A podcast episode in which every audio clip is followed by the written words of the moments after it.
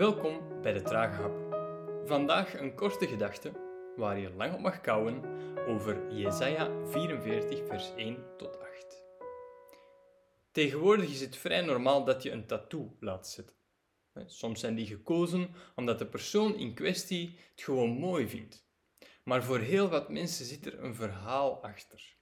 Bij de een is het een herinnering aan een overleden dierbare. Bij een ander is het een levensmotto, een uitspraak of een beeld die kracht geeft op moeilijke momenten of iets dat gekoppeld is aan hun identiteit.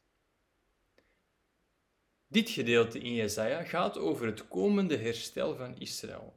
God zal water uitgieten op dorstig land, water stromen over het droge land, zijn geest uitgieten over de nazaten en zijn zegen over de telgen. Prachtig.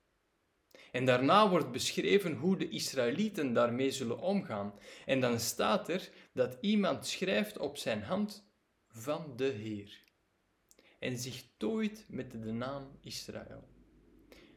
Het lijkt wel op waarom sommigen vandaag een tattoo laten zetten. Van de Heer op je hand schrijven is een mooi beeld. Het is niet zomaar een tattoo, maar een statement. Ik hoor bij God. In Jesaja 43, vers 1 heeft God gezegd tegen Israël: Jij bent van mij. En dit lijkt dan het antwoord te zijn: van de Heer. Mooi hè? Nu, deze woorden worden tegen het volk Israël gezegd. En we moeten dus voorzichtig zijn om ze zomaar over te planten naar ons. Toch mogen we gerust zeggen dat de uitnodiging er voor alle mensen is om te antwoorden op Gods liefde.